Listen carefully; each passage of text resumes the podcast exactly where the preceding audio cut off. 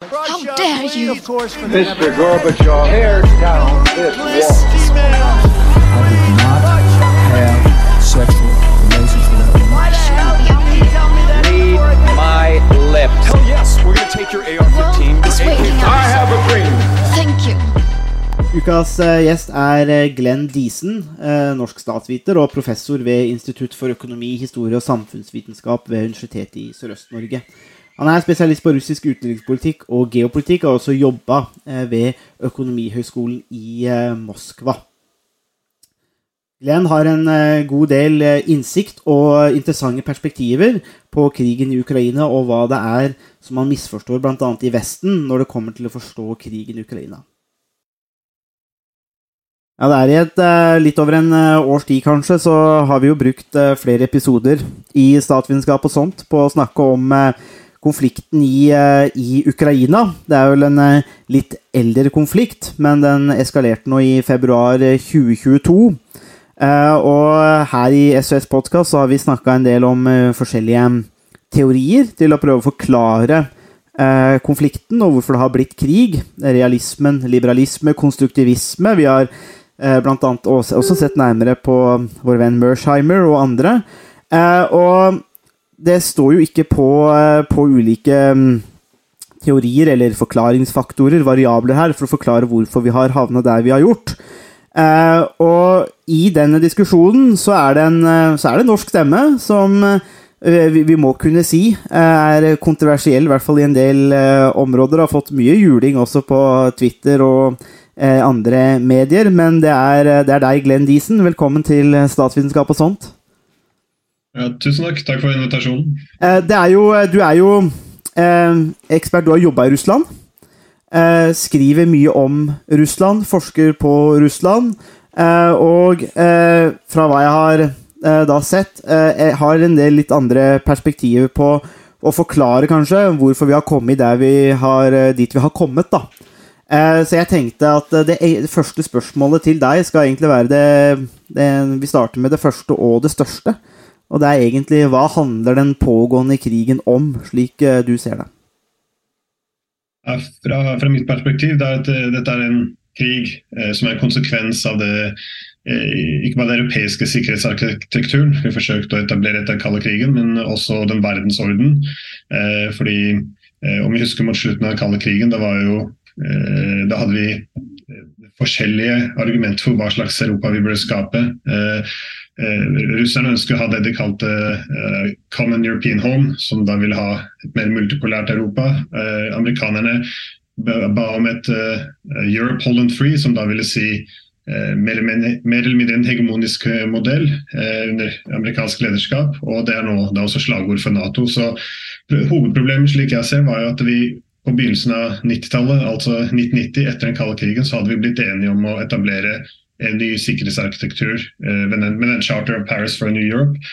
Og, eh, men som de da oppdaget, Russland var svakt, og det var ikke nødvendig å følge dette. Så da bestemte de istedenfor å bygge et Europa uten russerne, som da representerte et helt annet system. Istedenfor å ha den maktbalansen eh, basert på den vestfalske modellen, så skulle de da ha et Europa og verden for den saks skyld basert på hegemoni. Og det var dette her som da gjorde det nødvendig å ekspandere Nato. Og for et land som Ukraina, da var det erkjent både for russerne og amerikanerne for den saks- skyld at dette var noe som da ville eventuelt føre til konflikt og krig. Eh, og jeg tror det er der vi har kommet nå. Eh, at det ganske enkelt eh, ikke gikk an for eh, Ukraina å gjøre dette valget. Uh, ja, du tenk, Eh, Du nevnte et multipolært eh, Europa. Eh, Kan du si litt mer om hva som legges i, eh, i det begrepet? Uh, ja, multipolært Europa ville da uh, være basert på den uh, freden av Vestfalen fra 1648, hvor det har flere, flere maktsentre i, i Europa. Eh, da amerikanerne dyttet tilbake mot det felles europeiske hjemmet til Gorbatsjov, så var jo det, det de ønsket, var det de kalte et eh, liberalt demokratisk Europa, som da ville se under amerikansk eh, lederskap. Og igjen, Det var ikke bare russerne som klaget på dette. Vi husker tilbake fra tidlig 90-tallet. Eh, franskmennene var jo også ganske bekymret over dette her, fordi de så at dette, ved å, å beholde disse delelinjene i Europa, så ville da eh, Europa igjen bli delt opp. og altså Europa ville da bli delt inn i avhengige eh, allierte eller svekkede motstandere, som da ville vært eh, Russland. Så, så det, var, eh, det var den argumentet at Europa skulle ha mer autonomi. Eh, så det, det, skulle vært et senter av makt, eh, og Russland også selvfølgelig ville også vært et av disse sentrene. Og Antagelsen bak dette her, basert på realismen, er at eh, det, det var to forskjellige ideer om, om, om, hva som skaper fred. Det ene var at om du har en maktbalanse som vi klarer å alle balansere hverandre, at dette skal være oppskriften til fred. Mens mange mente da med attraktive alternativer var da dette Pax Americana, altså ja, bygd på noe av gamle modellen til gamle rom. For da Om du har ett senter av makt basert på gode verdier, at dette var da noe som skulle kunne levere eh, varig fred. Så igjen basert mer på liberale ideer. Men fra realismens perspektiv så er dette et hegemoni. da, Og hegemoni vil eventuelt være midlertidig. Det vil utmatte sine ressurser. Det vil skape eksterne fiender. Og etter hvert så vil vi ja, være i den situasjonen vi er i nå. da. Men vil, uh, med, en slags multipolar orden, uh, hva slags autonomi vil det gi til uh, f.eks. land som Ukraina, land i Baltikum og andre land i, i Øst-Europa, som på en måte er litt mellom det vesteuropeiske perspektivet eller, og det mer litt sånn og det russiske. Hvordan vil, vil de landene eh, falle? Eh, eller hva slags, hvordan vil de på en måte falle inn i et sånt system? Uh, vel, uh, i den kalde krigen så hadde jo det de kaller på engelsk 'sphere influence', hvor du da skal ha eksklusiv innflytelse i ditt eget nabolag. Uh, men jeg tror de fleste stormaktene er enige om at dette her er ganske utdatert og uakseptabelt. At man skal ha slik begrenset suverenitet. Eh, et annet konsept som er blitt introdusert, er det, det de kaller sphere of interest. Som da vil si eh, om du opererer på grensen til en stormakt, da må du ta til hensyn den, stormakten. Eh, med andre ord, land som Ukraina da burde ha samme friheten som Mexico har. Og Mexico kan jo ha, handle med alle land i hele verden. De kan eh, ja, samarbeide, de har ikke disse restriksjonene. Men om Kina eller Russland skulle etablere en militærallianse med dem, sette rakettene sine i Mexico, bygge militærbaser i Mexico, da kan vi være ganske sikre på at uh, vel, amerikanerne ville reagert på akkurat samme måte som nå russerne har, har uh, reagert. Så mange vil jo si at dette er urettferdig. At eh, bare pga. geografien, om man er plassert ved siden av stormakt på måten at man skal ha begrensninger. Og Jeg er ikke uenig i det, det kan virke urettferdig det, men det er egentlig bare slik virkeligheten er. Det finnes ingen stormakter som ville akseptert dette her. Så, så, forklaringen, tenker du, når du ser dette liksom primært Forklaringen her, så er det på si, struktur- eller systemnivå.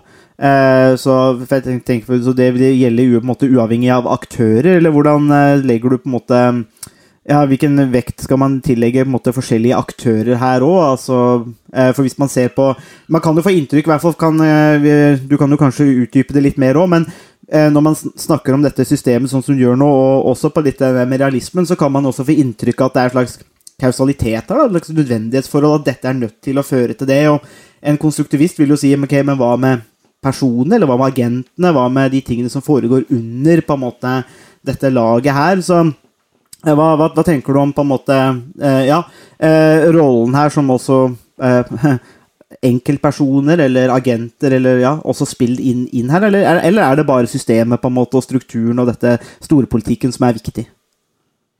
Nei, Man har jo forskjellige eh, grupper, individer eh, og interesser. Men eh, nå følger jeg ofte litt med på den eh, eh det kaller, eh, nyklassiske realismen, hvor da kjenner at jo, du har da beslutningstagerne som et, som et mellomledd da, mellom denne internasjonale maktdistribusjonen og utenrikspolitikk. Fordi Det er ikke alltid utenrikspolitikken følger disse insentivene som systemet setter på plass. Eh, noen ganger så har du eh, ja, andre insentiver, så da kan man hente inn mye fra realismen og konstruktismen med tanke på hvorfor stater opptrer på måten de gjør.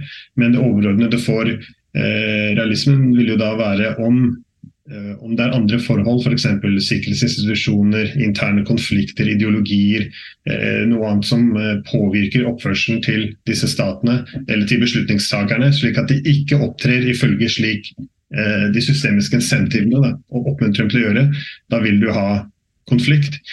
Så f.eks. når jeg blitt spurt om uh, ja, Ukraina, da må man jo erkjenne at, de det at det har vært et splittland. Det er ikke alle som ønsket å være nært uh, Russland, men det er ikke alle som ønsket å gå nærmere Vesten heller.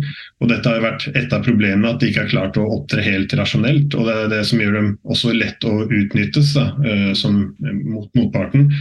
Så det er alltid anbefalt for Ukraina, er eh, diversifisere så mye som mulig. Ha så mye handel med Europa, amerikanerne, russerne, kineserne. Unngå altfor mye avhengighet av én ettmaktsenter, for da vil de miste mye av suvereniteten sin. Så, så det, det, på en måte ville vært oppskriften for fred for dem.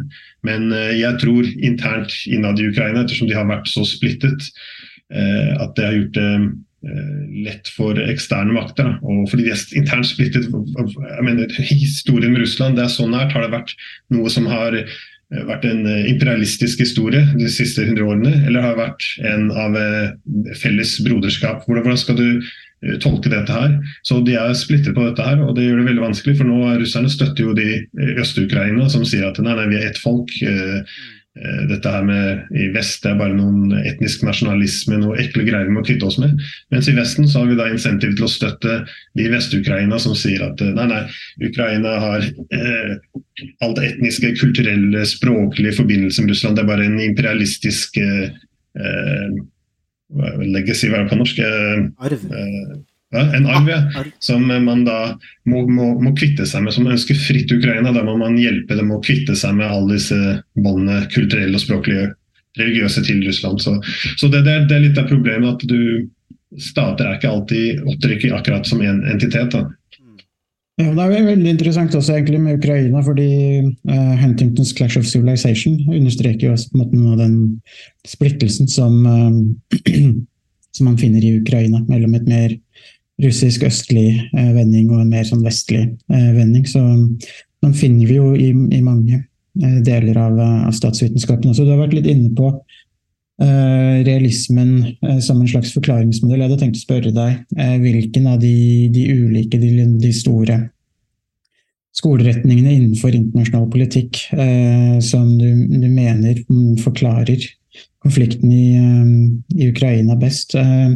Og du har jo vært litt inne på realismen, så det, tenker du at det er realismen som er den, den retningen som, som, best forklarer uh, krigen i, uh, i, Ukraina nå?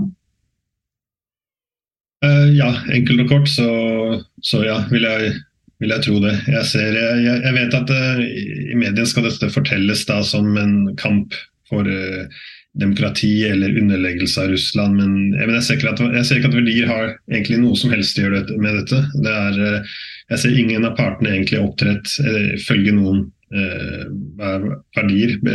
Begge sider for den saks skyld snakker i språket av verdier. Da. Vestens hevder vi at dette handler om demokrati og menneskerettigheter. Russerne sier det sammen, de ønsker å beskytte ja, menneskerettighetene til i øst. Og, men, og, og, dette har jo selvfølgelig innflytelse på, på på disse eh, beslutningstakerne. Men eh, nei, i det hele tatt så handler det hovedsak da om, om maktpolitikk. Uh, og igjen, det var, derfor dette her var så veldig forutsigbart fra, fra 90-tallet, når vi begynte å, å ha denne Nato-ekspansjonen. fordi det vi da sa var Istedenfor å fjerne dellinjene, så skulle vi bare flytte dem gradvis østover. og Det var jo så mange politikere og militærledere i USA som, som protesterte og sa at dette her kommer til å føre til konflikt. Fordi Det vi kaller nå europeisk integrasjon, betyr at eh, alle naboene til Russland må nå eh, av Russland, og vi må støtte Ofte er det splittede samfunn, og vi støtter da de mest antirussiske. Eh, som da destabiliserer disse landene, altså fra Georgia, Moldova, eh, Hviterussland og Ukraina. Og ikke bare destabiliserer, men vi skaper også da det Russland anser for å være en eksistensiell trussel mot dem. Så, så, selvfølgelig så farges jo dette her i språk av verdier, men i det hovedsak så handler dette da om maktpolitikken. Men, men følge opp der igjen, for det, det, dette er jo noe som jeg også syns er litt vanskelig når vi snakker om realismen. eh, og dette med stater. og Du har også snakka om at stater er vanskelig, det er noen ganger vanskelig å se for seg stater som enhetlige aktører, fordi de opptrer ikke sånn. Eh, Man snakker om stat, men hva er egentlig den ukrainske staten? På samme måte så kan vi kanskje si hva er egentlig den russiske staten? Eh, og hva, måte, for det er, jo et enormt land, eh, og det er jo utrolig mye folk eh, og lange avstander. og Så opptrår man da liksom, rasjonelt. Så jeg tenker liksom litt det med Når det handler om på en måte vi snakker om disse statene, da, så vil jeg bare si at eller, ja, jeg syns det er litt vanskelig kanskje noen ganger å, å, snakke om dette som om på en måte at, at, det er en nødvendighet at Russland måtte agere sånn. Fordi Russland siden kalde krigen har jo vært altså med Jeltsin. altså Hadde det vært det samme med Jeltsin i dag? Eller så vi noe annet under Medvedev tidligere? Eh, eller er dette på en måte en slags, eh, slags teleologi, ikke sant? Altså der man bare er på vei mot et slags sluttpunkt? og det Eh, og stater oppfører seg sånn, og, det tenker jeg Jeg måtte måtte lyst til å bare utfordre den litt, da, for jeg veit ikke om det er like, så lett da, at en stat at dette er nødt til å bli skapt av dette systemet. Um, og da, fordi at ja, Jeg tror det mister en del viktige forklaringsfaktorer der, men hvis du kan utdype litt mer der, på en måte altså er, det, altså er Russland fordi vi har allerede etablert at vi kan ikke snakke om stater kanskje som enhetlige aktører som opptrer rasjonelt enhetlig alltid, og da er spørsmålet da kan vi ikke gjøre det med Russland. Så det, gir det da mening å si at, um, at uh, dette systemet måtte pushe disse aktørene nødvendigvis mot dette konfliktforholdet? Vel, eh, Stater opptrer ikke alltid enhetlig, men å kunne opptre som enhet det er det som avhenger hvorvidt det kan opptre rasjonelt. Og i, i realismen, eh, rasjonell oppførsel per definisjon er da å opptre ifølge eh, disse systemiske insentivene som blir skapt av maktbalansen. Så For, for, for Russland jeg vil argumentere at det var vanskelig for dem å opptre rasjonelt på 90-tallet. For da hadde du eh, mye av makten som, eh, økonomiske makten som endte opp i hendene til oligarkene. Oligarkene begynte å sette opp interesser i, i Vesten.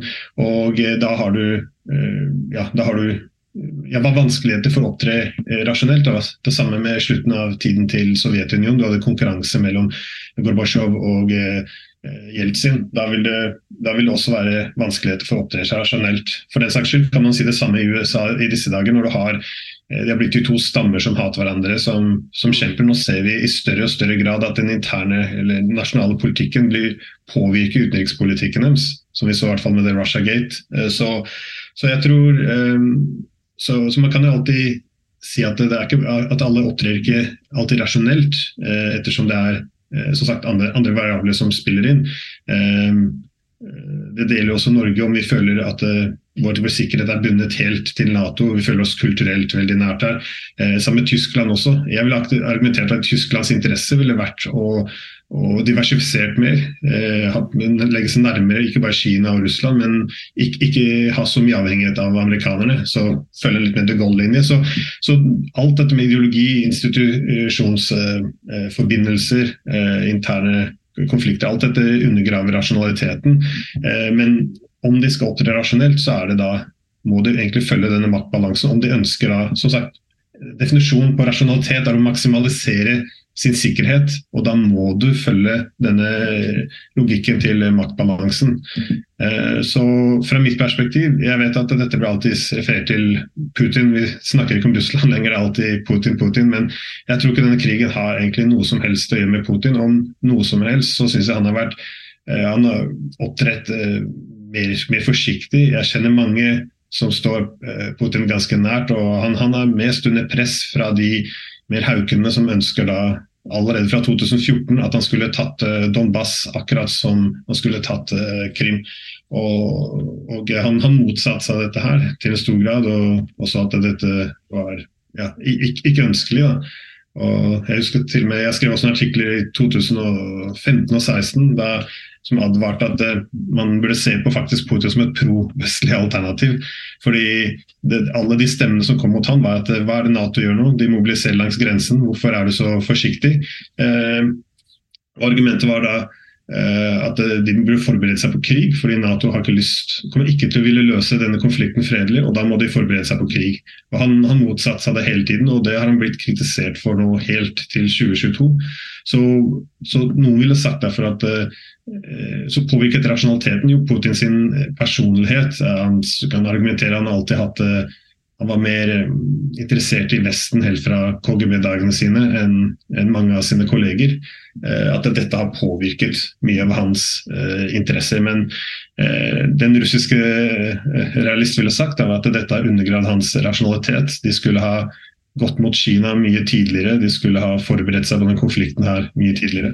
Men igjen, det, det blir vanskelig å argumentere for dette. fordi i diskursen vår så skal alt deles inn i å være prorussisk eller pro-ukrainsk, så man har ikke eh, samme muligheten til å si det. Mm. Um, det perspektivet som vi gjerne får uh, presentert, um, og som det er veldig lett for mange i Norge å um, i mange andre vestlige land å akseptere, er jo liksom en historie om uh, hvordan Russland er den aggressive parten. Uh, og hvor Ukraina er et litt sånn uh, en uskyldig part. Og um, det, som jeg, det som jeg lurer på noen ganger når, um, når jeg hører på de som på måte, kritiserer det, sånn det vestlige narrativet og vestlige, det vestlige perspektivet, er litt hva er det vi på en måte har misforstått, eller hva er det vi ikke har fått med oss, eh, som gjør at vi liksom lett kjøper den eh, den historien som, som, vi ofte får, eh, får, presentert både i mediene og blant en del politikere og kommentatorer. Hva er det vi på en måte hva er det, hva er det vi, eh, Hvor er det vi Hva er det vi tar feil om, eller hva er det vi ikke, ikke egentlig helt forstår, sånn som du, eh, du ser det? Med tanke på opprinnelsen til krigen, da? Eller? Ja. Så hvorfor den har oppstått, og er det, liksom, hvor, hvor er det vi hva er, det, hva er det, som mangler i vår forklaring, som vi ofte får presentert? Vel, jeg tror det er denne argumentet eh, tidlig av at, må, at, dette må bli ansett som en uh, uprovosert konflikt.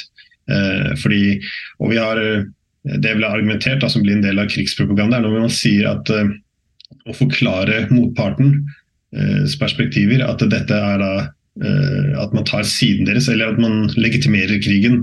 Eh, og da skal man altså måtte sensureres eller kanselleres i så fall. Eh, problemet da er at vi, ja, vi, kan jo ikke forklare motparten. Og jeg tror mange har kjøpt dette argumentet at dette ikke hadde noe med å gjøre med Nato. Da. At det var bare Russland som en dag fikk lyst på å ta nye territorier.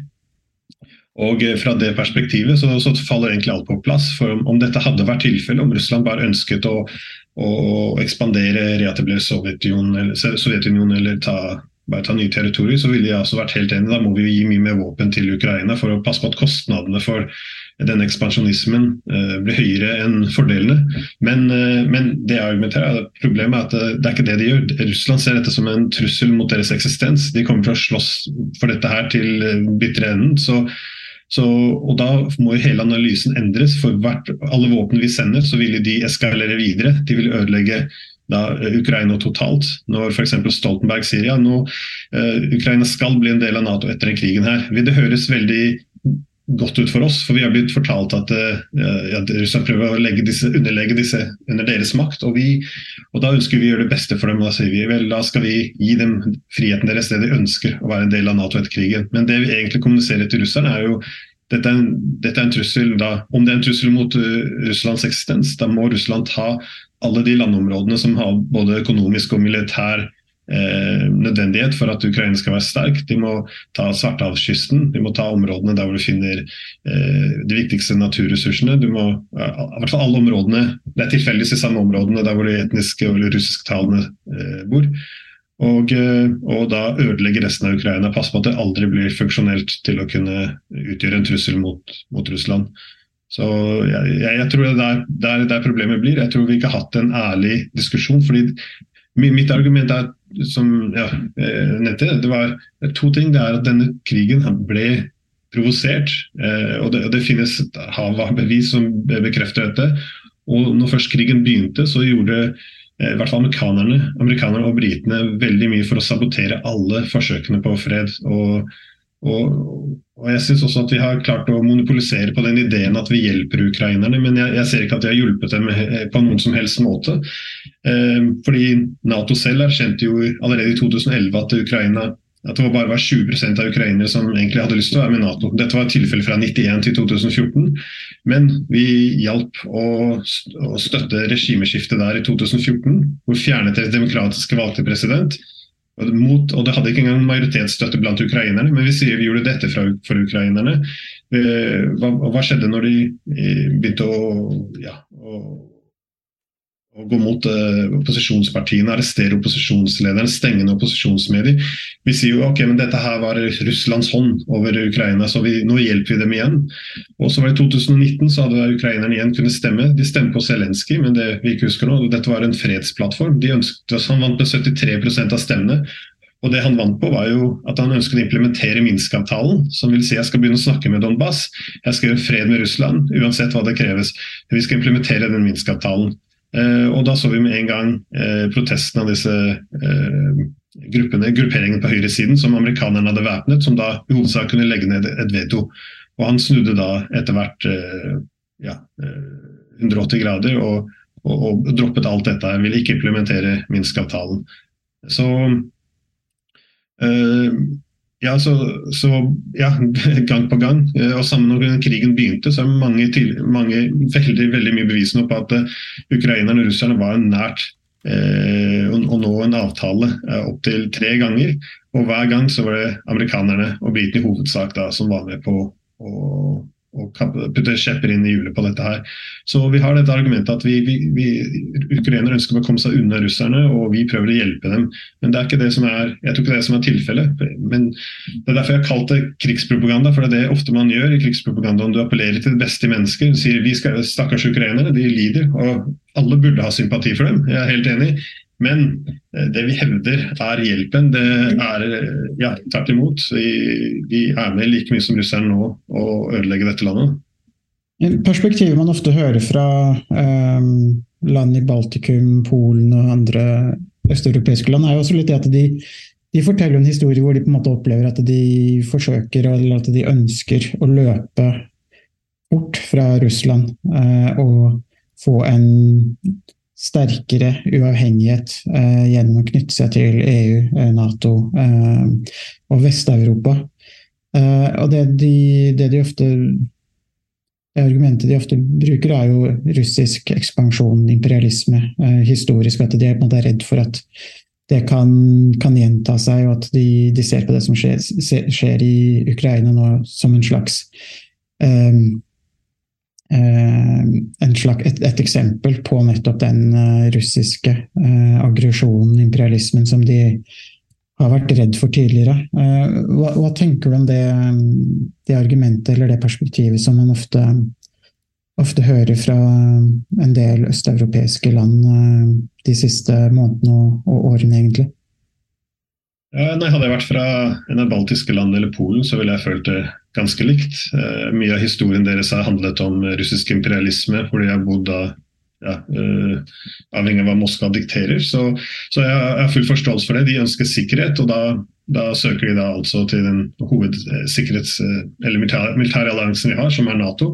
Så det er, det er fullt forståelig, det. Men dette går jo på sikkerhetsdilemma. Eh, jeg mener at eh, baltiske landene, Polen, de har veldig legitime sikkerhetsbekymringer.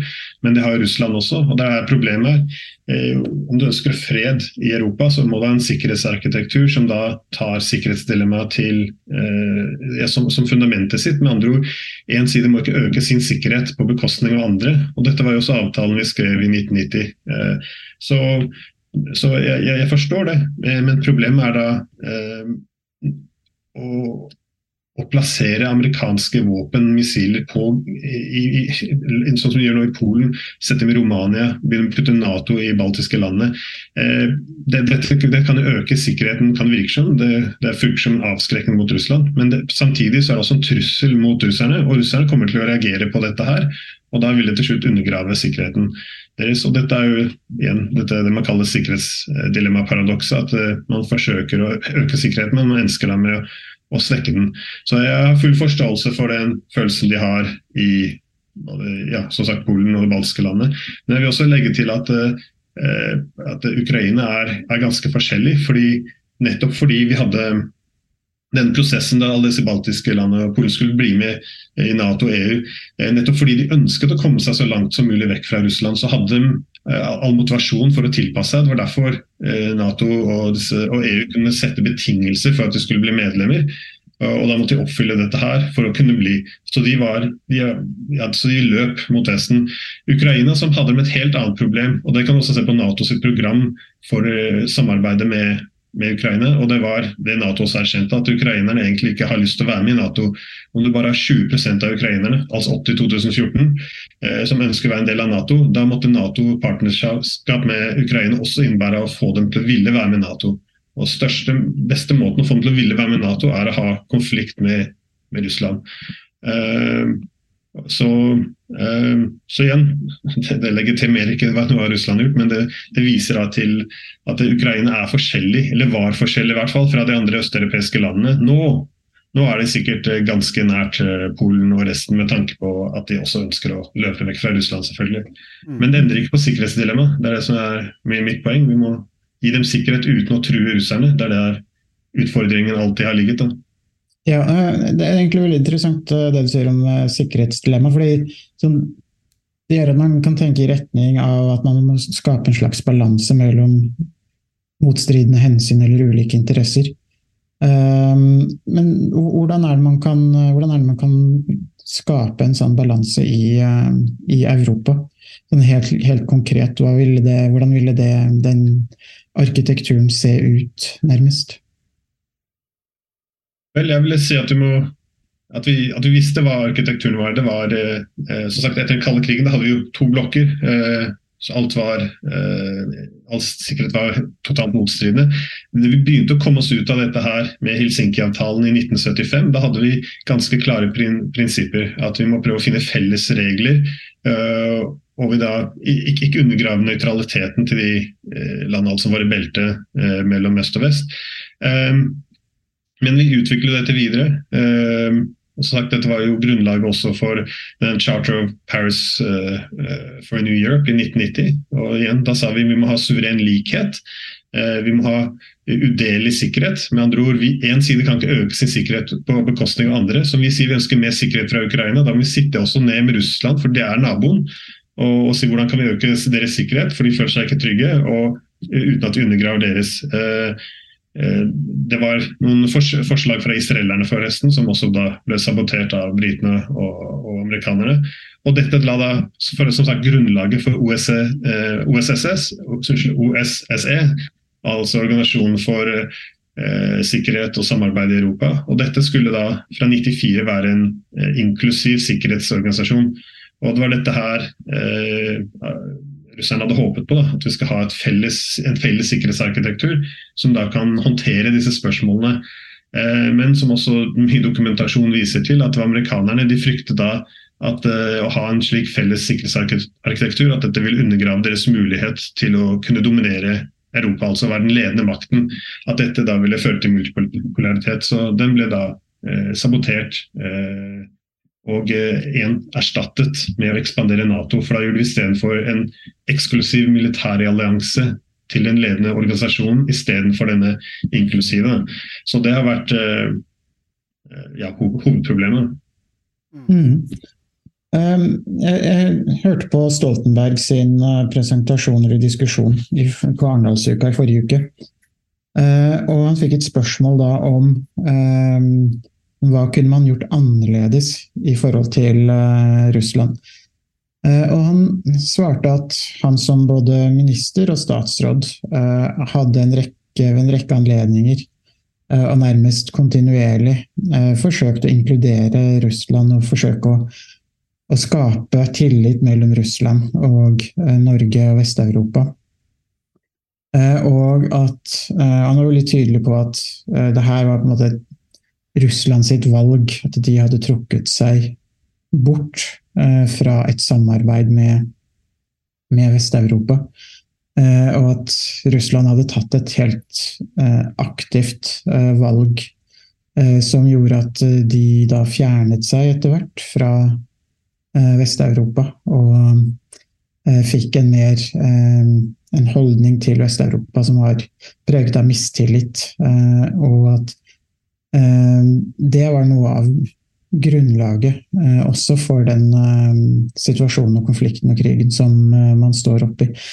Hva, hva tenker du om, om perspektivet til Stoltenberg? Det som på en måte er litt overbevisende med Stoltenbergs og andre politikere sine resonnementer rundt det, er jo at de, de har jo eh, vært politikere som har eh, hatt med Russland å gjøre og forsøkt å, å, samarbeide med Russland, og så kommer de på en måte tilbake og sier at nei, nå har vi prøvd, og så fungerte det ikke fordi Russland ikke ville.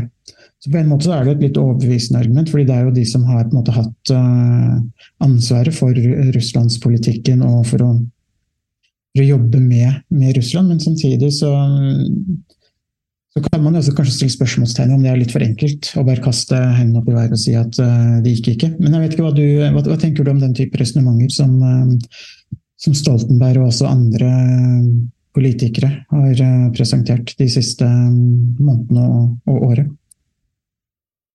Vel, jeg, jeg, jeg, vil ikke bare sagt at han har autoritet, så nå må vi høre på han. Jeg vil heller eh, sett bevisene bak eh, ja, hvordan han ville støttet opp dette argumentet. Fordi jeg tror også hans, hans rolle nå er jo også å kunne forme eh, narrativet og, og, opprettholde støtten til det Nato forsøker å gjøre. Dette er jo også jobben hans. For jeg, jeg ville sagt igjen, eh, det har vært eh, veldig mye det, det, det, det, finnes jo overveldende bevis på at, at, at, Nato brøt uh, med Russland veldig tidlig, og dette er det amerikanerne kjenner også. Selv Bill Clinton, som ekspanderte Nato, han sa jo i januar 94, før de hadde bestemt for å ekspandere Nato, at en av truslene ved, eller problemene ved å ekspandere Nato var at det ville skape en ny delelinje mellom øst og vest som igjen vi hadde blitt enige om at vi skulle oppheve. Det var i januar 94. Og så hadde du da utenriksministeren hans, som var da eh, eller, eh, eh, William Burns, som da hadde Nei, ikke, ikke, William Burns, jeg snakker om William Perry, forsvarsministeren. beklager. Eh, fra, og Han var også sterkt imot Nato-ekspansjonisme. for Han sa også det samme. Om vi begynner å ekspandere nå, så kommer vi til å undergrave freden vi skapte med Russland. Så dette var kjent. Ikke bare at han mente det, han argumenterte også resten av administrasjonen. Han truet jo med å slutte, eller han vurderte å slutte.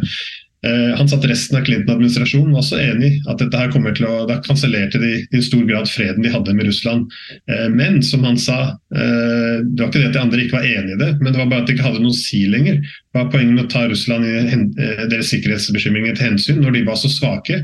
De så Russland var svake, og de ble svakere og svakere. Så ifølge da altså forsvarsministeren til Clinton, det var ikke noe hensikt, som de så det, da, å, å ta hensyn til Russland lenger. Så vi la oss bare ekspandere Nato. Med andre ord, vi erkjenner at Nato-ekspansjon kommer til å ødelegge forholdet, men vi gjør det allikevel. Eh, og dette var han da imot, og det var ikke bare han. Du hadde som sagt, George Kennan selv som eh, skapte sikkerhetsarkitekturen, eller eh, the containment policy, da, oppdenningspolitikken mot Sovjetunionen etter andre verdenskrig. Han sa jo også at dette var en kjempestor, eh, forferdelig eh, feiltagelse. Det han forutså, var at, nå, at, det som kom til å skje, var at Russland har kommet nå til å begynne å snu seg litt mer og mer mot Vesten. Og, og så forutså han også at en dag så kommer det til å ha konflikt over dette, og da kommer vi til å hevde at det, dette er bare russisk imperialisme, det er sånn vi er. Og han advarte mot sånn mentalitet, for det er vi som nå hadde brøt, brutt denne freden. da. Det var selv Joe Biden da han snakket om å ekspandere Nato. Han ga en tale i 1997 hvor han også sa at Russland de er veldig bekymret over at vi skal ekspandere. og De har advart oss at om vi begynner å ekspandere, så må de alliere seg nærmere Kina. Ja, ja, Så begynte de bare å le. Vær så god, bare forsøk det. Vi er det eneste game in town. Da, så Det finnes ikke noen andre steder vi kan gå. Så dette var bare tull. De måtte bare lære seg å finne, denne, finne seg i denne nye virkeligheten. Og all, eh, ja, ellers så kan man nevne Jack Matlock. Han var amerikansk ambassadøren til eh, Sovjetunionen. Han var med å forhandle slutten på den kalde krigen også. Han, eh, han har også argumentert for, kjenner jeg også personlig, som sier da at nei, vi, vi forhandlet til slutt på den kalde krigen, og når vi bestemte oss for å ekspandere Nato. Det var en ordentlig dolk i ryggen til russerne. For da sa vi hele avtalen vår at vi skulle skape et felles Europa og slutte ha denne konflikten mellom disse militære alliansene. At, at, dette skulle komme til en slutt. Og de, de opphørte sin allianse, vi gjorde ikke det. Så han sa igjen, det var han som forhandlet på amerikanernes side også, at vi, at vi da altså svek, eh, svek eh, russerne. Så, og, og Det er en, hele en idé når vi skulle ekspandere Nato at det ikke hadde noe med å gå mot Russland. Eh, jeg tror det er helt feil. Fra, se fra Strobe Talbot til Madeleine Albright. Den var veldig for å ekspandere, men de sa jo også eh, Russland vil bare venne seg til det. Og for de som ser på Senatet, hvor de da hadde debatter om Nato-ekspansjonismen i USA, så sa de eh, det er verdt å gå inn på, uh, på Congressional Records. Bare gå, om de som hører på, gå, gå, inn der. Søk på insurance policy, for dette er mange hundre sider, disse debattene. Uh, og så ser hva som dukker opp. for det Ordet blir brukt om og om igjen. og Hele argumentet er at vi må ekspandere Nato i tilfelle vi har fremtidige trusler mot med Eh, fremtidige problemer i Russland. For da ville vi være omringet av Nato. Da ville vi ha overveldende makt mot dem, og da kan de lett slås. Så la oss ekspandere Nato nå, i tilfelle vi har fremtidige konflikter.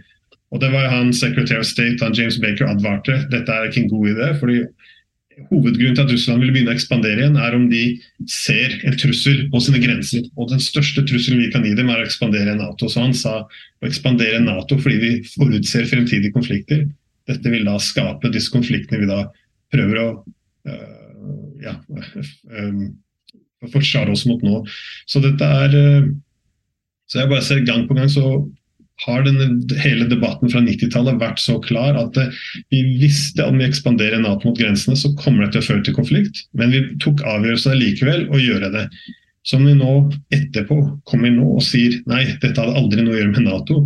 Det blir jo eh, fryktelig Eh, ja, tullete, sånn som jeg ser det. Og veldig spesifikt på Ukraina. så vi også poengtere at han, eh, William Burns, dere har sikkert lest memoet hans eh, fra 2008. Han skrev memo til Condoleezza Rice.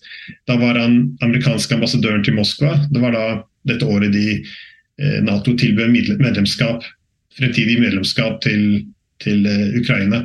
Eh, Tyskerne og franskmennene ville ikke tilby noe map, fordi det de sa var at det, Angela Merkels argument dette var en krigserklæring mot Russland. Hvorfor skulle det være en krigserklæring om det ikke er en trussel? Uh, og I tillegg så var det uh, selv administrasjonen hans fra Robert Gates, Condoleezza Rice, de også syntes at det var en forferdelig idé. Og Det han William Burns skrev da, var at eh, om vi prøver å dra Ukraina inn i Nato, det som kommer til å skje er pga. de dype splittelsene i Ukraina. Vi kommer til å starte en borgerkrig. Og deretter så kommer med god sannsynlighet Russland til å, å invadere eh, på vegne av øst-ukrainerne. Men så advarte han også dette er ikke noe russerne ønsker å gjøre, men det er noe de kommer til å gjøre om dette her skjer. Så det var veldig sterke advarsler, og det, og det har bare fulgt veldig konsistent. Uh, Unnskyld at jeg holdt på så lenge, men, men, dette er veldig mye som har påpekt dette. her, da, At dette var noe vi visste kom til å skje, og vi bestemte oss for å gjøre det likevel. Så når Stoltenberg snur seg nå og sier nei, dette hadde ikke noe å gjøre med oss, vi gjorde alt vi kunne. Jeg vil bare vite, hva, hva var det de gjorde? Jeg tror, eh, jeg, jeg tror, jo at uh, noe av det som For jeg hørte jo på det samme med Stoltenberg. Jeg tror noe av det han også pekte på, er jo denne delelinjen i Barentshavet som de også ble enige om i 2010. Og jeg, jeg husker i hvert fall tilbake til da Eh, litt den eh, tidsånden som var der òg. Altså da Støre Og da var jo Støre nesten en, en, liten halvgud, diplomatisk halvgud. Det er jo gått litt dårligere med han i seinere tid, men, men, akkurat da så fremsto han som det. Og han virka som å ha en veldig god tone med Lavrov, som, og det virka som dette her var et stort steg fram. da i, eh, i norsk-russisk samarbeid. Og, så jeg tror kanskje at det var også For Stoltenberg nevnte jo det som konkret eksempel. At dette delelinja at det var eksempel på hvor på måte, man hadde klart å komme fram til et kompromiss da, om politikk. Og det var egentlig veldig godt gjort på mange måter, eh, og, og, hvordan det fungerte. Så jeg, jeg, tenker jo at det ligger jo kanskje noe i, i, det, og så er spørsmålet skal man skille da på en måte litt av det norske og kanskje Nato, da, ekspansjonismen her, for det blir jo litt kan jo bli to forskjellige ting, men jeg, den, det er et poeng, da. Og delelinja er jo det er jo om man oppnådde noe diplomatisk. Jo, jo, nei, men politikken uh, fortsatte. Men det, det, har også vært det argumentet at uh, kanskje Russland ga litt veldig mye i uh, ja, med denne delelinjen. Men, men, litt av tankene bak Russland var nettopp at de ga aldri da opphold denne prinsippet, eller ideen om Gorbatsjovs felleseuropeiske hjem. Så de ønsket da å finne en annen måte å, å, komme, og skape det de kalte Stor-Europa. Fordi etter at vi bestemte oss for å kansellere ja, OSSE som en hovedorganisasjon for Europa istedenfor en Nato-ekspansjonisme. Så må vi huske at både Jeltsin og Putin foreslo jo eh, på sidelinja vi, vi kan jo bli med Nato vi også. Om dette skal være en dominerende organisasjon, så kan vi godt bli med, bare så lenge vi ikke har flere dellinjer. Da må dere også ha med oss, og dette ble også ikke, ikke, ikke noen vei. Og det var også med, under Medvedev fra 2008 og 2009. Han foreslo også å bygge, bygge et nytt europeisk sikkerhetsarkitektur. Dette kastet vi også kaldt vann på. så de, de, de prøvde å de, ja, det gikk jo ikke eh, Når Nato begynte å ekspandere, de, de, de forsøkte jo å, å, berge noe og håpe at det, kanskje dette ville føre til en gradvis integrasjon av Russland også. Etter hvert. Så det var der i hvert fall, ja, de, alle jeg snakket med i Moskva sier at landet var litt splittet på det. Noen så på Nato-ekspansjonisme at dette er lukket døren helt, nå kommer vi til en ny kald krig. Andre mente nei, det kan, når Nato ruller østover, kan hende at dette kan også inkludere gradvis integrasjon av Russland. Nå Det som virkelig var dødsdommen da, for den store europadrømmen som har holdt på ja, siden eh, ja, flere tiår nå, så var det denne eh, når vi støttet å fjerne Janukovitsj fra makten. For det viste at Ukraina kom ikke til å være en bro, det kommer til å være en frontlinje altså mot, mot Russland. Og det, det, det var da, da nådde de konsensus i, i Russland. Dette her dette her går ikke. Eh, selv store tilhengere av Stor-Europa nå sa dette var utopisk, dette kommer aldri til å skje. De, de, de, kommer bare til å rulle videre mot våre grenser. Nå er det på tide at vi lener oss mer mot Østen. Så økonomisk må vi gå øst. Alle våpnene våre må pekes vest, fordi eh, vi er på vei mot en storkonflikt. Derfor har de forberedt seg siden 2014 på at dette her kommer til å skje. Så så, men, men den, på den tiden, opp til 2014, så, så var det fortsatt håp at uh, man kunne finne et felles Europa på et eller annet måte. Vi har jo, vi har jo faktisk snakka en del vi har jo, i, i, vår diskusjon, Harald, så har jo også vi vært veldig Vi har jo egentlig vært veldig tydelige på, og i hvert fall jeg altså jeg har jo eh, Min forskning er fra eh, terrorisme og bekjempelse av terrorisme, og har jo på en måte fått, eh, fått ganske mye kjeft òg, fordi jeg mener at krigen mot terror har vært bortkasta eh, på måten den har vært eh, orkestrert og, og, og lagd, og veldig, har rett og slett ikke fungert. Da, og det må man egentlig ta litt ansvar for. En, I Vesten, eller vestlige land så er det en ansvarsfraskrivelse når det kommer til disse tingene. og det samme gjelder jo på en måte Nato-ekspansjon, fordi at eh, det har jo vi egentlig snakka ja, har om det her, alle, at eh, hvis du ekspanderer verdens mest, mest mektige militærallianse, så skal du være ganske naiv hvis du tror at ikke andre oppfatt, kan oppfatte det som en trussel. Eh, det, altså det, virker, litt, det virker litt, litt, for dumt å skulle si og skulle late som noe annet. Eh, det åpenbart er dette en Kan det fremstå som en trussel? Det betyr jo ikke at det er en trussel, men det kan jo oppfattes som en trussel. Og hvis man, hvis man ikke tror det, da, ja, da, er man enten fryktelig dum, eller så, man, så spiller man et annet spill, da. Eh, så, jeg, og, og det, så, der tenker jeg at eh, det, det, er, det, er, kanskje litt viktig, og det er kanskje også noe som har forsvunnet en del i mediedekningen nå. Altså, på samme måte som krigen mot terror bidrar til å skape mer terrorisme, så er det lov å se innover seg sjøl og tenke er de tingene vi gjør, kan det også hjelpe til med å bidra eller legge til rette for en del ting. Eh, så, det, så, så der er, er, det tenker jeg egentlig er et um, Eh, er et, eh, er et, godt poeng. Så er jo spørsmålet om vi på en måte har kommet for langt der nå, da. Eh, og, ikke sant? Nå, nå, som krigen på en måte, Det er jo ikke noe spesialmilitær operasjon. ikke sant? Det er jo en, er jo en krig, så, og da tar du en helt ny logikk. Men eh, jeg vil tilbake til noe du nevnte tidligere. Det henger for så vidt sammen med det her. Men du, du ba oss legge mindre vekt på, på Putin. Um, så da lurer jeg på, på en måte, så det kan være en indikasjon på her er det større krefter, andre krefter i Russland som pusher krig. altså Du nevner dette, her er det konsensus etter 2014. og da, Jeg kan ikke nok om Russland, så hva slags miljøer er det vi egentlig snakker om her i, i Russland? Kan du si noe mer om det? For det syns jeg var særdeles spennende. For vi kan jo få inntrykk av at dette, er, dette stopper, starter og stopper med Putin, da. Nei, eh, så Jeg nevnte han William Burnsford, han som var ambassadøren. og Han er nå forresten direktøren til CIA. Det er han som eh, forutså disse krigene i Ukraina som følge av å forsøke å ekspandere Nato. Han, han, argumenterte også, han skrev det også i disse kablene tilbake til Washington, at det, så lenge han har vært i Russland, han har ikke funnet noen politikere som, som, eh, som mener at Nato-ekspansjon ikke er en trussel mot Russland. Det var noe som forente alle. Eh, så, eh, så jeg, jeg, vil si at en av det, det som har vært godt med eller flink eh, talentene til Putin er å kunne å, å, å samle et konsensus. fordi under, under Jeltsin, hans store Eh, politikk var jo bare å eh, alliere seg nærmere og nærmere Vesten, så ha alle disse reformene eh, ja, mot demokratiet, liberale eh, kapitalisme og til og med ignorere noen av forholdene i øst med Sentral-Asia og Kina, bare for å komme seg så fort som At de ikke skal holde dem igjen. da, Bare vise at vi legger alle eggene våre i den kurven her. Vi skal bare til Vesten. Eh, når Nato bestemte seg for å ekspandere, altså skape et Europa uten Russland, da kollapset jo hele den, denne plattformen her. Det at vi i tillegg til å ekspandere Nato eh, tolv dager etterpå også invaderte Jugoslavia uten Eh, uten mandat, bare for å si vet du, nå er det Nato som eh, dominerer Europa, eh, så vi trenger ikke noe mandat for å, for å bombe Jugoslavia i 1999. Da, det, det, dette også var da noe som bidro til å kollapse helt det politiske plattformen til Jeltsin. Så det som skjedde med Putin når han kom inn Han, for han, jo, han var erstatteren, han var statsministeren til Jeltsin, så han ble da satt inn i spillet der på nyttår på slutten av 99. og da da, da, da kom det opp med den plattformen. Vi vil fortsatt være en del av Europa, vi vil fortsatt ha et felles Europa, slik som Jeltsin drømte om. Men vi, denne tiden hvor vi skal eh, at, at, vi bare gir og gir, og vi ikke får noe tilbake. At, det, at, det ikke, at, dette må ta en slutt. fordi Ved å putte alle eggene våre i denne vestlige kurven, så har vi gitt fra oss all makten. Vi har ikke noe forhandlingskraft lenger. Og de så jo det hva Nato sa. Amerikanerne vi trenger ikke høre på russerne, de er svake nå. Så det han argumenterte var at Russland må igjen returnere til realismen. Vi må bygge oss sterke. Eh, og så må vi forhandle som likeverdige og for et felles Europa. Så, og dette var veldig, og Sånn fikk han samlet mange. det er det som er poenget mitt. For alle disse liberale som ønsket å, å, å komme seg til Vesten, så sa han jo til dem jo, vi, jeg ønsker også, og jeg er også proeuropeisk, jeg har også lyst til å ha et felles Europa. Men vi må gjøre det som likeverdige. Vi har allerede forsøkt det Jeltsin prøvde, og det fungerte ikke.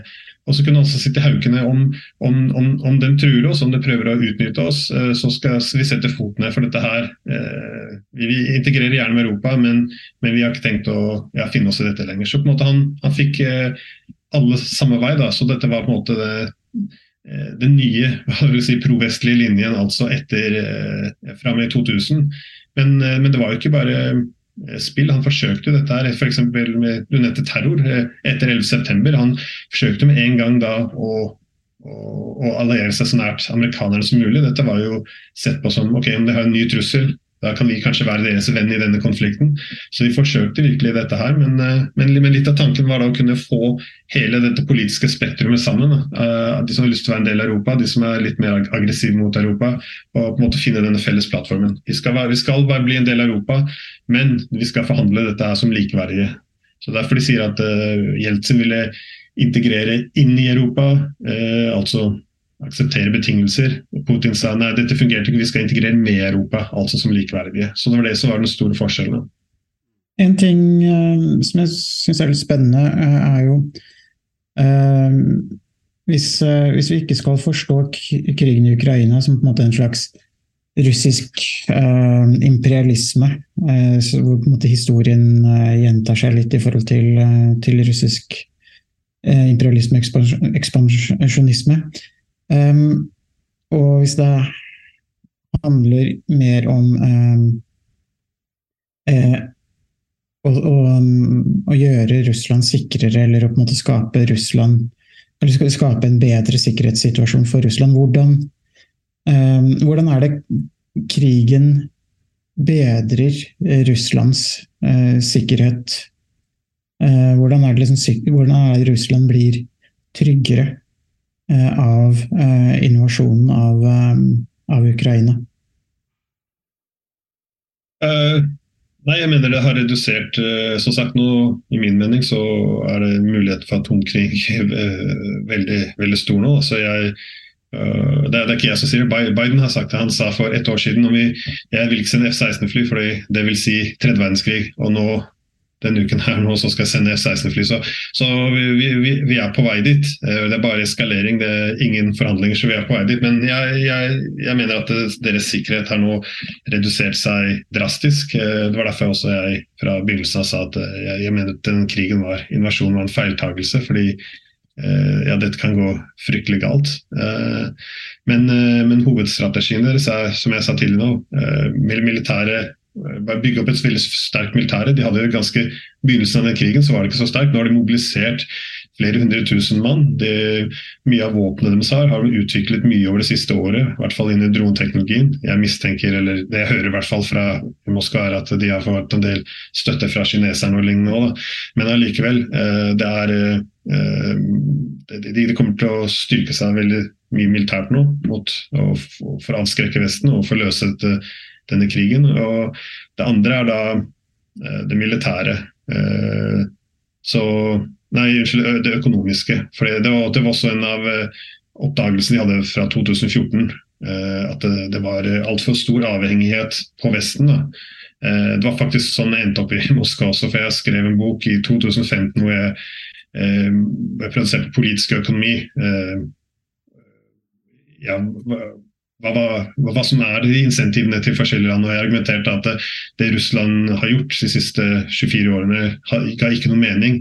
Eh, det som virkelig er deres interesse, må være å diversifisere. Eh, altså eh, teknologien, industriene, transportkorridorene, bankene, valutaen. Alt, alt, sammen går med mot Østen. så Derfor jeg skrev en bok som het Uh, Russia's Geoeconomic Strategy for Greater Eurasia. og det var da han, Den ble plukket opp av han uh, rådgiveren til Putin, han Sergej Karaganov. Det var han som ga meg jobb i, i Moskva. så Jeg, jeg jobbet til Australia, så gikk jeg da til Russland. Uh, men, men, det er på samme ideer jeg også har når jeg går til Ungarn og jeg snakker med EU. Men poenget mitt er bare at jeg, det er som de prøver å øke sin sikkerhet. Det er nå militær, sterkt sterk militære for å avskrekke Nato og for å få slutt på denne krigen, og samtidig nå kutte helt økonomiske eh, båndene til Vesten, for dette har nå vært en stor svakhet. Så, men igjen, skal jeg bare få gjenta jeg, jeg, Grunnen til at jeg var mot denne krigen, var for jeg så at dette her undergravde deres sikkerhet i en stor grad. Uh, mm. Det er, en, det er, jo egentlig en tap Det har jo blitt en veldig tapssituasjon, ikke sant? Også fordi at eh, Altså, jeg skrev en eh, Vi hadde et, et prosjekt her på høyskolen eh, om eh, allianser. Jeg skrev om Nato. Eh, og jeg leste jo veldig mye litteratur om Nato. Og det var jo, det var i, dette var jo da, ble jo da skrevet i 20, da. 2021. Sånt noe. Eh, og mesteparten av litteraturen handla jo oppriktig om hvordan Nato var i ferd med å var egentlig en utdatert allianse. Det var færre og færre som så nytten med Nato eh, osv. Så, eh, så, så da kan man jo se hva, hva som på en måte har skapt krigen. Hva, men, men, men, konsekvensen er jo at Nato står vel egentlig sterkere noen gang med Sverige og Finland inn, eh, som egentlig var litt utenkelig. Men det samme egentlig for EU. EU fikk jo et virkelig vitamininnskudd eh, med dette. Eh, og eh, som noen har sagt, Ivan er jo ikke to meter høy lenger. Eh, når vi har sett eh, militæret. Det er atomvåpen, men det viser seg jo at eh, på bakken så, så, ser det ikke så bra ut. Jeg tenker Det må jo være et enormt tap for Russland. Og det som er litt skummelt med det, tenker jeg, er jo det at da får du jo en litt sånn skadeskudd bjørn. Og det er jo en, for så vidt en passende lignelse for oss som sitter i Nesbyen like ved Vassfaret, hvor de siste norske bjørnene blei skutt, dessverre. Så, så, vet jo alle at en skadeskutt bjørn er også den farligste. Eh, og den mest uforutsigbare. Eh, og det er jo ikke det man vil ha, og det er jo det er litt dumt hvis det er det, for hvis jeg da hører deg riktig, så er det på en måte det du er redd for, at det er jo dette som på en måte blir konsekvensen her. da, at Istedenfor at det er i litt mer ordna former, at det er dialog og at man måtte forstår hverandre, så kan det måtte gå ut av kontroll, og da, da vet man kanskje ikke hva som skjer.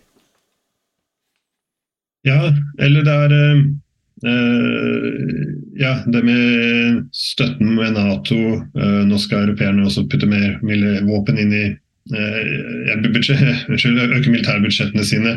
Mm. Og selvfølgelig Danmark, unnskyld, Sverige og Finland inn i Nato. Dette er jo dette er en stor trussel mot Dette blir sett på som en trussel mot Russland i deres nordområder. Så dette er jo dette er igjen noe som undergraver deres sikkerhet. Og dette er jo litt av problemet også med Eh, med, med, når det først går til krig. Ja, det var også det de erkjente russerne. Når det var en grunn til de eh, var forsiktige. eller Det tok dem åtte år etter 2014 å invadere også. var Så snart de begynner å bombe Russland, så har de mistet ukrainerne. Da, fordi etter det så finnes det ikke noe mm. Det, det finnes jo ikke ja, Hele støtten for å kunne bli venner igjen med Russland er borte. Så, så, så ja, ja, nei, jeg er enig i det. Jeg syns Eh, ja, det er en av de negative konsekvensene. Men, eh, men uh,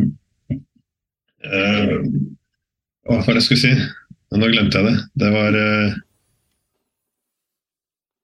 eh, Ja, skadeskutt bjørn. Jeg, jeg, jeg, jeg, tror ikke nødvendigvis at Jeg tror narrativet at Russland er så mye svakere enn vi trodde. Jeg, vet ikke om jeg helt støtter den heller. fordi om vi virkelig ser, De, de, de gikk jo inn med mindre enn 200 000 mann. for vi, vi, sier jo at de forsøkte å invadere hele Ukraina. Men det er jo som amerikanske militærledere har også sagt, flere har sagt at dette er tull. Du kan ikke gå inn med 180 000 mann og så okkupere et eh, land med nesten 40 millioner. Det, det, det, det, går ikke. Så Hovedargumentet var at de skulle gå inn og presse gjennom denne Minsk-avtalen. fordi husk Siden 2015 så hadde vi en Minsk-avtale at, eh, at eh, Donbass skulle få autonomi. Og som etterpå både tyskerne og franskmennene bekreftet, så var, så var dette bare noe for å kjøpe tid. da, Så vi kunne væpne ukrainerne og trene dem, så de kunne bygge militæret sitt sterkere. Nettopp så de ikke trengte å implementere denne Minsk-avtalen. Eh, så dette var bare for kjøpetid. Så, eh, så jeg eh, Hva var det jeg nå? Nei, så uansett Hva var det hva, hva, Nei, Du snakka om en skadeskutt bjørn, om Russland er svakere enn Eller om de er sterkere enn vi antar, kanskje? Ja, så, så, uansett nå, så De gikk inn med veldig få mann, og, men nå har de jo eh, Men det hadde veldig begrenset eh, hensikt. De ønsket bare å presse gjennom dette. og husk, Dagen etter invasjonen så begynte allerede russerne og ukrainerne å snakke om fred og, og ha nøytralitet. Allerede tredje dagen så hadde, inn i krigen så hadde Ukraina eller Zelenskyj sagt ok, vi er klare til å diskutere nøytralitet, men det var da Vesten begynte å tilby våpen istedenfor. Men, men poenget mitt er også at eh, så så jeg, jeg, tror de har lært av det, og nå har de mobilisert uh, veldig mange mann. Jeg tror folk bare ser når de skal evaluere hvordan Russland har prestert, så ser det ut som de ser på feil data. For det første så vil jeg ikke si at uh, Ukraina har klart å stå mot dem alene. fordi vi, Vesten, hele Nato, vi har tømt nesten alle våpenlagrene våre nå. Vi har sendt ammunisjonen vår, våpnene våre. Uh, nå har vi så lite igjen at britene sender utdannet uh, uranium. Amerikanerne sender disse klasevåpnene. Noen skal sende F-16-fly til tross for at det kan starte en tredje verdenskrig. Så de har begynt å slippe opp for våpen å sende. Samtidig nå har russerne flere mann i bakhånd enn de har satt inn i kampen. De har mobilisert hundretusenvis av mann, de er væpnet i tennene. Og, og en av de det ville, dette må bli sett på som en uh, hva heter det på engelsk, war of attrition. Du, du, skal utmatte fienden. Det er ikke bare å ta territorier, du utmatter det. og Når da fienden er svekket nok, så bare ruller du over og tar de territoriene du, du ønsker. Eh, så, så jeg, jeg, er ikke nødvendigvis enig i den analysen at, eh, at, Russland er så svake som vi ville ha det til. Eh, jeg tror de har Nato kastet alt de hadde inn i den kampen her og, av våpen, og sendt mange, Polen har sendt mange frivillige soldater òg. Så man skal være forsiktig og undervurdere motparten, for da kan man ofte gjøre ja, dumme ting. Da. Kan du si litt um, avslutningsvis om hvordan tror du krigen vil uh, ende? Hvordan uh, vil uh, avslutningen bli? Det var jo også diskutert i Arendalsuka i forrige uke, hvor um, stabssjefen til Stoltenberg kom med noen uttalelser som ble sett på som både uheldige og kontroversielle. Men hvordan tror du det, tror, tror du det her kan, kan ende, til syvende og sist? Og hvor, hvor lang tid vil det eventuelt ta før vi ser en uh, avslutning på krigen? Uh, ja, jeg har ikke noe veldig god uh, glasskule der. Men det, det, ser ut som at vi begynner å komme til brytepunktet nå, hvor uh, ukrainske tapene har vært så, ja, så, så, så, forferdelig store. nettopp fordi russerne har ja, ti ganger så mye artilleri. De dominerer luften med jagerfly, missiler. Så jeg tror, jeg, jeg tror de begynner å nå brytepunktet nå med store tapene de har lidd. Så der ser vi mye misnøye blant soldatene allerede. Jeg tror også i Vesten nå, vi har, vi har sendt det meste vi har av våpen. Vi kan ikke bare fortsette å sende jagerfly som ikke kommer til å gjøre stort, eller klasevåpen. Det, det finnes ikke så veldig mye, så jeg tror vi nå er vi, er, vi har et dilemma. Enten så må vi eskalere videre for å forhindre at vi taper denne krigen, men da må Nato begynner å, sende inn sine egne frivillige, som noen har argumentert. At eh, Polen, kanskje baltiske landene, sender inn noen i Vest-Ukraina. Eh, ja, verst tilfelle at amerikanerne også sender noen tropper. Men det vil nok ganske fort eskalere seg til en full krig og atomkrig da mellom eh, Nato og Russland. Eller så må eh, ja, vi begynner å erkjenne nederlag. da. At Russland kommer til å vinne den krigen her om vi fortsetter uten å eskalere. Det er bare tallene som sier det. det ja, en nøytral virkelighet. Så i så fall så må vi finne en eh, forhandling. Men uh, igjen, jeg tror uh, retorisk så har vi malt oss inn i et hjørne. Det er ikke så mye vi kan gjøre. Vi har sagt hele tiden at Ukraina vinner, Ukraina vinner, vi skal ikke forhandle noe som helst. Så Vi så hva som skjedde på Arendalsuken. Bare forslaget at kanskje en fredsavtale innebærer at de må gi opp landområder. Det, det, det må måtte unnskylde seg selv. Så det, det finnes ikke noe vi, vi, vi, har ikke lov til å diskutere dette engang. For da er du anti-ukrainsk. Det pro-ukrainske er å sende mer menn til å dø, tydeligvis. Så, det, så det, er, eh, det er veldig lite jeg, jeg, jeg, regner derfor med at dette bare kommer til å eh, kommer til å begynne å se en kollaps i ukrainske hæren. Så tror jeg Russland kommer til å eh, skape den freden, da. Det fred, selvfølgelig, anførselstegn, som de, som de ønsker. Så Men eh, men eh, nei, det fins ikke noen god, noen god løsning eh, lenger. Men det er jo ja, altså tenk på, det er jo interessant det du nevner der òg, fordi det er jo det, det tenker jeg jo er litt sånn eh, vanskelig å avgjøre, i hvert fall fra hvor vi sitter. Da. Det er jo nettopp de materielle ressursene. Militære ressursene. Det er mange som hever at eh, Ukraina sitter med fryktelig mye tropper i reserve òg. Eh, og at eh, istedenfor å kjøre den amerikanske taktikken og, som man kanskje gikk for, å dundre litt på, så har man hatt mye mindre mindre angrep eh, for å rett og slett slite ut russerne på en helt annen måte. Og det er jo indikasjoner fra noen som vil si at eh, det går mye bedre med ukrainerne enn det man egentlig tror, fordi man eh, sliter ned eh, russerne bak linjene der. Og det er mange russere som Og de har mista mye, de òg. Eh, mye mer. Eh, antageligvis, men det det vet, vi jo egentlig ikke, så det er jo vanskelig å si når vi ikke er på bakken og de tingene der. Men når vi da snakker om dette med forhandlinger, for det er det som er det viktige her, for jeg, jeg, er ikke like overbevist om at Russland kan male det her i, i senk uten at de også kjører landet sitt på dunken. Uh, fordi, og det, det, tragiske her er at det koster Vesten, eller vestlige land, veldig mye mindre å støtte Ukraina i den kampen og eventuelt der, enn det er å gi seg. Altså, for da kan man Dessverre, tenker jeg, så ser man på dette som på en måte eh, expendable. Da. At man kan bruke det. Eh, og, og, da binder man jo opp enorme russiske ressurser. Og de har jo hatt en enorm brain drain eh, og mister jo masse folk. Og det er jo ingen land som egentlig har råd til å miste best, sine beste generasjoner eh, på den måten. Eh, og, men la oss, la oss, si ja, at vi og, la oss si at vi også kjøper resonnementet mitt her. Må ikke Russland også gi noe? Altså, Ukrainerne må kanskje gi noe, jeg, jeg er helt enig i at jeg syns, jeg syns oppriktig at det, eh, det, ikke burde være noe Nato-medlemskap. Altså, jeg syns det er merkelig å skulle ha presse Ukraina inn i Nato, egentlig, når man vet at det er en, eh, en faktor som trigger og eskalerer. Så det syns jeg er litt merkelig. På annen side så vil jeg tenke hvorfor skal ukrainerne nå stole på Russland? Én ting var for 10-15 år siden. Eh, men nå, når man har bomba store deler av landet sønder og sammen, hvorfor skal ukrainerne nå tro på Russland. Så hvis man skal ha en fred her, og hvis vi tror på russerne om at dette er broderfolk og alt mulig, hva må russerne gi for at uh, ukrainerne skal kunne kjøpe en fred, og kanskje Vesten, da? Uh, ja, uh, hovedavtalen må innebære det som det, det handlet om nå i de siste ni årene. Da. Og det har jo vært uh, nøytralitet så f.eks. Arendalsuka foreslår noen landområder mot Nato-medlemskap. Det kommer ikke til å skje. fordi mm. Grunnen til at tar landområdene er nettopp for å gjøre Natos eh, medlemskap mindre truende. Så alle krigen her, eh, territoriene som blir tatt, dette er et symptom på det store problemet, som er at eh, Ukraina eh, ikke mister sin nøytralitet. Så, mm. så, det må, det, der finnes det ikke noe forhandling. Eh, Igjen på, på, alt annet så hadde det vært mye større område for forhandlinger. Som sagt, fra I 2014 så har Russland sa, som sagt Putin sa Donbass, dere, dere må bli, forbli en del av Ukraina, alt dette så lenge språket og sånn er, er, beskyttet. Så det var mye mindre eh, krav. da. Det var samme som i februar i fjor, eh, da russerne invaderte.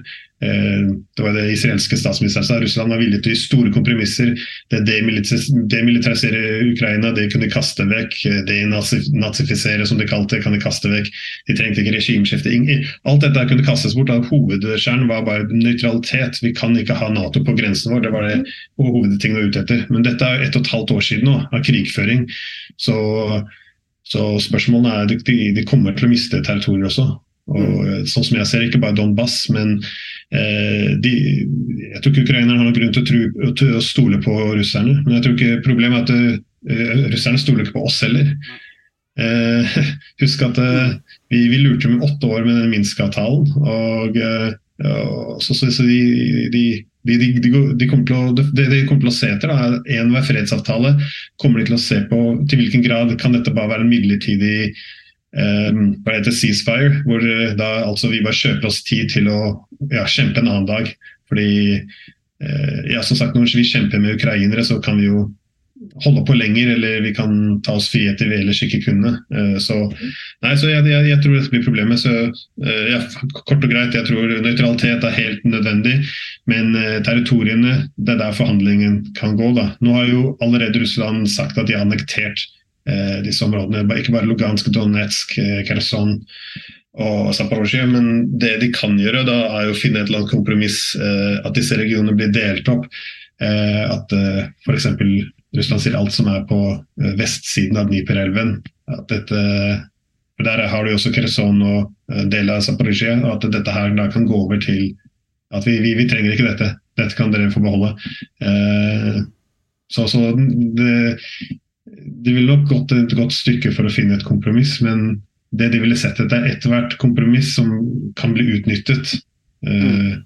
Det, det, det, det, kan de ikke finne seg i, for da, som sagt, det de frykter, er at vi bare kjøper oss litt tid for å kjempe igjen dette i framtiden. Mm. det, er et, det er et godt poeng. Du avslutter med kompromiss, og da kan jeg jo bare runde av denne episoden. Eh, ettersom vi, Harald brakte Jens Stoltenberg på banen, så var også en av de tingene han snakka om, var jo faren hans, Torvald så nettopp snakka om at det var det mest vakre ordet i politikk var kompromiss. Eh, og det å finne disse kompromissene, og det er vel ingen tvil om at det er det som blir må, må, uansett må bli en slags løsning på det her, kanskje da etter hvert, å finne disse kompromissene. Og så blir det utrolig Det er en utrolig vanskelig jobb, så blir det spennende å se på en måte hva som er kjernen der. Og hvis, eh, hvis vi kommer dit, da tror jeg vi skal ta en uh, oppfølgingspodkast, og så får vi se litt på de tingene som vi snakka om nå. Så får vi diskutere hva det eventuelt det kompromisset består av når vi kommer dit. Men eh, takk for at du var med, Glenn. Det var særdeles interessant. Takk. For at du hørte på Statsvitenskap og sånt. Har du spørsmål, kommentarer eller tilbakemelding, så er det bare å ta kontakt på vår Facebook-side, per e-post eller brevdue. Musikken er som vanlig laget av Robin Horvath, og Mats Halvorsen mikser og redigerer podkasten. Vi høres!